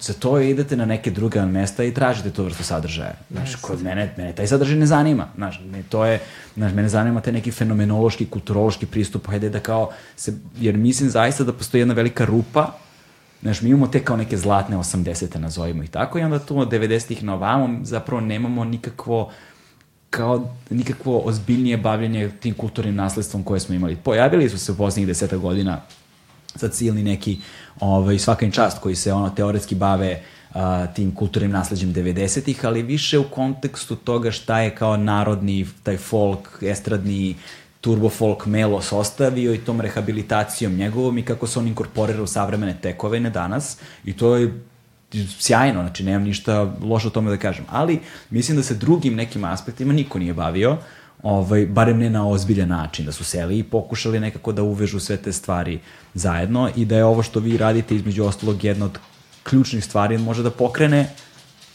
Naravno. da pokrene taj lanac, da pokrene da bude inicijalna stvar koja će to početi da, koja će to uraditi posle sa drugim velikim bendovima koji više ne postoje možda, koji nasledstvo, da, znaš, da, se, nek, da se neko ozbiljnije bavi nasledstvom, ne znam, ono, od discipline kičme, pa na, pa ne znam, sad, sad bilo je tu i drugih i regionalnih i BiH, iz Hrvatske, iz Slovenije, iz ne znam, ono, znaš, od a, lančnog Franca pa nadalje, nemam pojma. Znaš, ali bilo je tu jako puno. I ono što je bitno da počnu ljudi da, se, da im se ode priznanje dok su živi. E, da. A ne samo kada ih nema među nama. Da, da. A ima takvih ljudi koliko hoćeš ovde. Da, ovde smo baš nekrofilna nacija. Da, da. mi smo se koje setili kad koje nije bilo dobro. Mm. Da. Znaš, i svi su mediji, i mene su zvali mediji, pazi, ja i koja se poznajemo privatno, ali nismo sarađivali, ne znam, godinama, ni koncerte, ni ništa. I odjednom je meni počeo da zvoni telefon, e, koga znaš, koga imaš i tako dalje.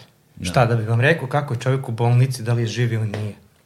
Mislim, a u istom tom čoveku ni jedan jedini taj clickbait medij nije objavio da li ima novi spot, da li ima novi single, kad je poslednji put svirao i tako dalje. E, to je generalno naš problem. Meni je zato je bilo bitno, mi smo skoro bili u Kroaciji, I otišli smo da vidimo njihovu arhivu. Da.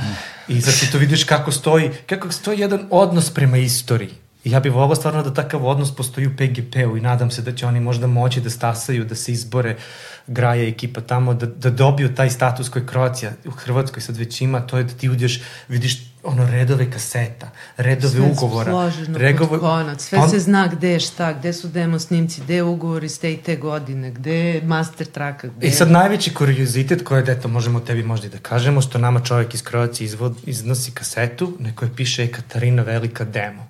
Sad je Katarina u nekom trenutku, je po, kad je tražila izdavača sa album, sa album Svetrom uz lice, je slava demo snimke izdavačima i to je sa, ostalo sačuvano u arhivi Croatia Records. Četiri pesme. I Maja i ja smo dobili taj snimak i preslušali, to, to, to je stvarno je Katarina, to je stvarno neki novi aranžmani, to je stvarno demo toga. E to je istorija kakvu ćemo mi hteti da se trudimo, do, da sačuvamo, očuvamo, da rizdamo, da to dobije taj ono status kakav zaslužuje čemu sam, ja. o čemu sam malo prepričao. I arhivska građa i potom bavljenje nasledstvom kroz to, da li yes. neka luksuzna izdanja, da li spos, limitirana izdanja, da li da to budu monografije, da li da to budu biografije, da li Tako da to je. budu dnevnici, da li da to bude... Dokumentarni filmovi napravljeni kako treba, ne kao što su pravljeni do sada. Da. Puno ljudi lešinarilo, mislim, da. što i reizdavalo razne stvari, izdavalo, što pisalo i pravilo pisalo šta... Pisalo razne ono, biografije, javljali su se tu razni koji su bili njihovi prijatelji, koji su se otprilike očešali o njih u prolazu mm -hmm. i pisali iz prve ruke. Da. da. Znaš, a to je sve toliko gadno. Nemam drugu reč. Da, za da. Um, pomenuli ste malo pre sobu uh mhm. -huh. Milana Nudenovića. Da. pa, prošle godine smo, na to smo jako ponosni, uh -huh. a, napravili saradnju sa Narodnom bibliotekom Srbije. A, šta se desilo? Mi smo stvari došli u posed tih nekih stvari koje su ostale kod Milanove mame i a, kontaktirali smo Narodnu biblioteku, zamolili smo ih da nas prosto posavetuju kako mi da čuvamo te stvari. Mm -hmm. I ja ove stvari koje imam kod sebe i te stvari koje smo uzeli. Uh, I onda su oni rekli, čekajte, kao, što biste vi to držali po nekim kutijama i nekim tavanima i ostavama, dajte vi to lepo nama na čuvanje i mi ćemo to profesionalno da obrađujemo, zavedemo, čuvamo u svojim depojima. I ono što je meni bilo najdraže od svega je što su ti ljudi zaista ogroman entuzijazam pokazali za to. Nekako su se prepoznali, to je bilo nešto živo u što su oni odrastali, svi ti mhm. ljudi tamo u Narodnoj biblioteci. I onda smo zaključili ugovor sa njima. Sve te stvari su i dalje u našem vlasništvu, ali su tamo zavedeni po raznim ovaj, odsecima. I e, ideja Narodne biblioteke je bila da se e, formira Milanova spomen sobe. Biblioteka to inače ima već. Mm -hmm. Postoje trenutno tri spomen sobe. Miloš Crnjanski, Milan Rakić i Cuca Sokić, Ljubica Cuca mhm. Sokić, mm -hmm. slikarka. I četvrta soba treba da bude Milanova soba, znači u lepom će društvu da bude. Da. Ove, ovaj, to je nekako uh, veliko priznanje upravo sve ovo što smo pričali. Znači Milan, Milanovo stvaralaštvo je priznato kao deo kulturne baštine ove zemlje. Tu se vraćamo na ono rat za, za ostavštinu da. Milana Katarine. Nema tu rata. Za ostavština njegova pripada svima nama, što dokazuje upravo i ta saradnja sa Narodnom bibliotekom. Da. Ovaj, tako isto ima i stan u kojem je bio na Andrićevom vencu, stan Ive Andrića koji je pretvoren ono, naši kao muzej, odeš lepo i znaš, njegove sobe su one u kojima je on zapravo boravio. Ovaj, I ta vrsta kulturnog nasledđa je zaista, zaista važna. Sad ovo bavljenje, nažalost, nekako i u razgovoru baš eto sa Ognjenom Uzelcom, evo pozdravamo Ognjena, Ognjena Uzelca, pošto ga svako malo stavljamo, stavljamo usta, ovaj, a, smo govorili o tome kako postoji razlika između tehnološkog napretka i pravnog. I onda uvek kada se pojavi nekakva tehnologija, postoji jedno određeno vreme postojanja teh tehnologije dok pravo zapravo sustigne ovaj, tu tehnologiju i onda kad se pojavio radio, na autorsko istotno pravo je kasnije regulisalo to, pa kad se pojavilo, ne znam, digitalno pravo, prošlo je vreme dok je autorsko istotno pravo to regulisalo. Ti ja smo govorili o tome kako izgledalo kad se pojavio MP3, pa narednih 10 godina je globalna industrija imala problem. Oni sad to regulišu, da li je to kako su regulisali dobro ili nije, to ostavljamo za neku drugu stvar, ali pojenta je samo u principu koji, koji to prati. I kaže on, na neki način sve ove užasne stvari koje se dešavaju čine i nešto dobro, a to je da autori najzad počinju da se interesuju za svoje pravo, znaš, da je to, da je to bilo nešto što, o čemu niko nije, na šta niko nije obraćao pažnju do skoro. Ovaj, I posljedično tome, problem u kojem se vi nalazite sa maskom nije jedini. Nije. Niste jedini zapravo, uh, maskom ima aktivnih uh, više ovaj, uh, kako, Ima, da. procesa, da kažemo, paralelno. Pa sad ja ne znam šta smem da pričam, ne smem da pričam o meno veze. Mislim, kao... Tu koga je rast. to smemo ne, da pričam. Ne, ne, ne, ja mislim da, ga, da je sud presudio da, da ga nije tu. Mi se ne zalažemo ne, ali, da, da, da. rešavanje fizičke. Ne radi se o tome, Nasilje. prosto maskom ima nekoliko, koliko ja znam ima problem sa SARS-om, da su trenutno na sudu oko raski dugovora, problem sa rastom koji ste spomenuli, koji se isto odnosi na autorska i srodna prava, uh, pa problem je bio sa Bojanom, pa ne znam, sa Cobijem, pa sa Basivitijem, sa PGP-om, ja mislim da ima par tužbi, neke maskom dobio tipa Zanu Stanić iza Ramba, pa su ti fonogrami pripali Maskomu, uh, oko nekih se spore, tipa Laki Pingvini, ne znam uh, šta još postoji, mislim prosto Maskom, očigledno njihov, ja ne mogu se uh, mešam u tuđe načine kako će voditi svoju firmu, razumiješ? Da, da, da. Kao što li meni niko ne može da kaže, pardon, kako ja treba da vodim svoju firmu, ali evidentno je da Maskom ima određen način na koji misli da treba da rešava što probleme, što svoje poslovanje. Tako da mi nismo tu prvi, nismo jedini, ali se nadam da možda će podstaći, ne prema Maskomu, ne radi se ovde samo o njima. Mislim, ti znaš koliko smo ti ja puno puta pričali, ako ni nešto drugo šta sam do sada radio u životu, ponosan sam na činjenicu da mislim da sam među prvima počeo ozbiljno da pričam o autorskim i srodnim pravima uh, po raznim konferencijama u Srbiji i da smo nekako tu temu malo vratili što u medije, što među muzičare, što u, u, u javnost. A mislim da je to pre svega zbog muzičara. Ja. Jer na kraju dana nisu izdavači tih koji ne razumeju autorsko i srodna prava. To su muzičari. Oni to vrlo dobro Oni to vrlo dobro znaju i vrlo I dobro koriste. koriste, tako je. A muzičari su ti zbog kojih mi svi živimo i mislim muziku yes. koji se kunemo i volimo i tako dalje. Mislim, niko ne kupuje sad ovu ploču zato što sam izdao ja. Da. Niko ne kaže, znaš, to je izdala Kroacija, ja to moram...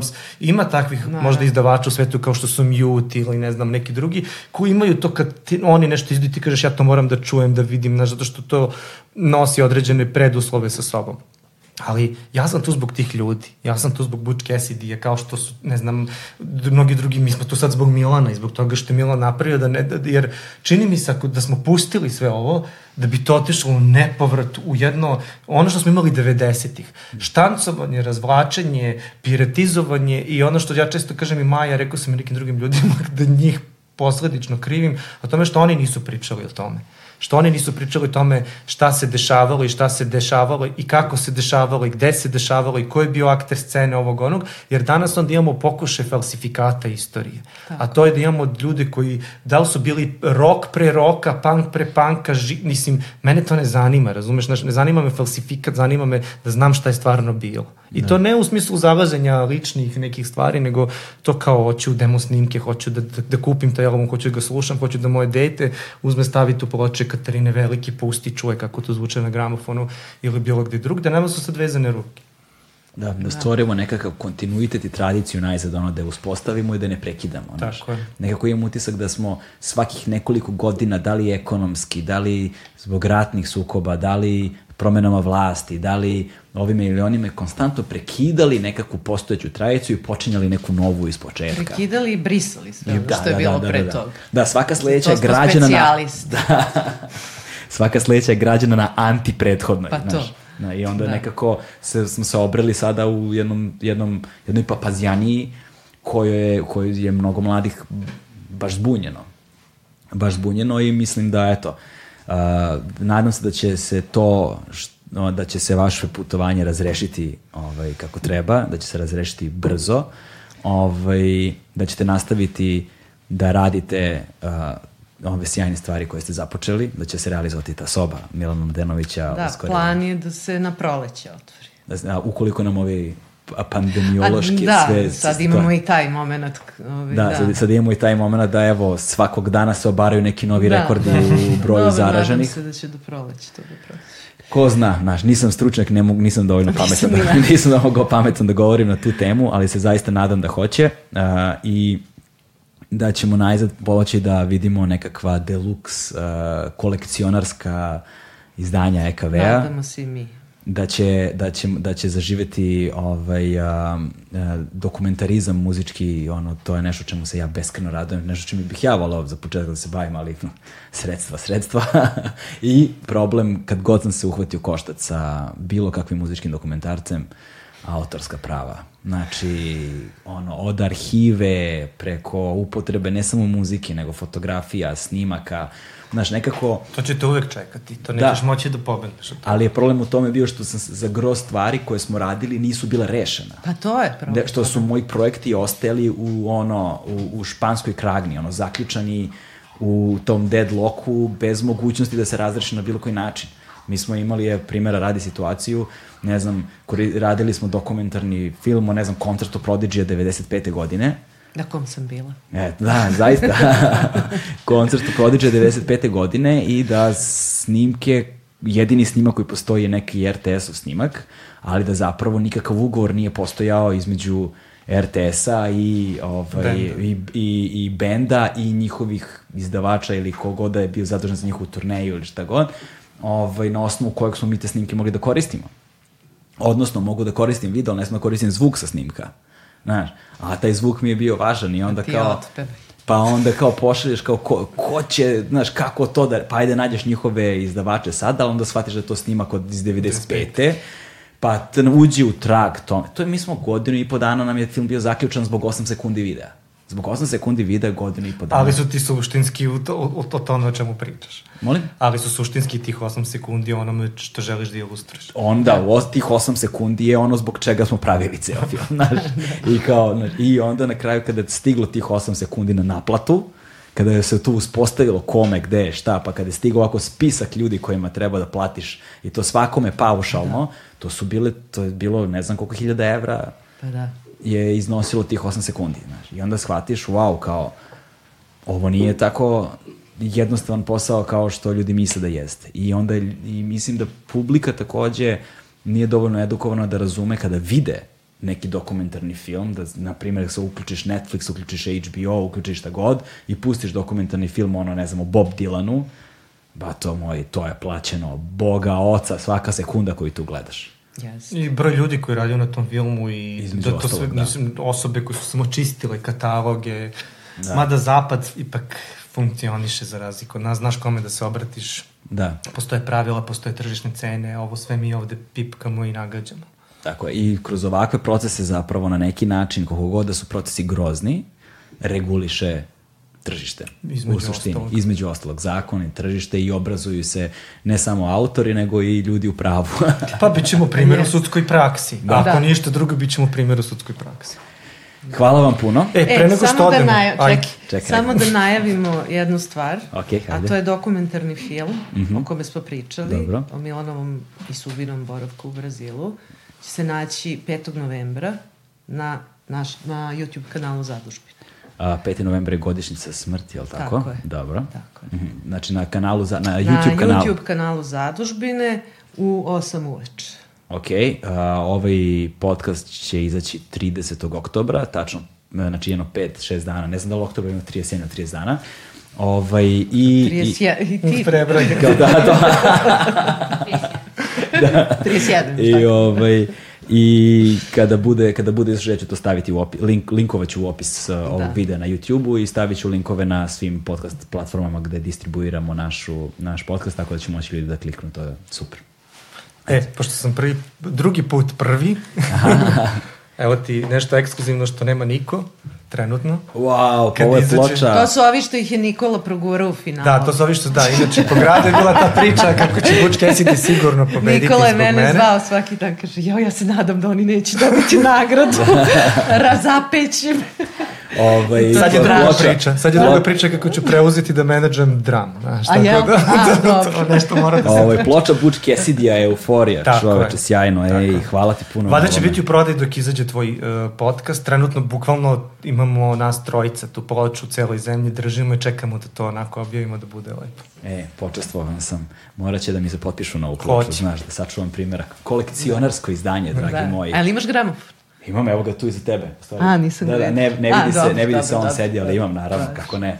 Tako ne, hvala vam puno još jednom, hvala, hvala na ploči, hvala, tebi. hvala na informacijama, hvala na vremenu, na poverenju i želim vam sve najbolje u razrešavanju ovih pravnih zavrzlama, a potom i u daljem radu zadužbine. Hvala. Hvala puno. Ćao. To je to. Ćao.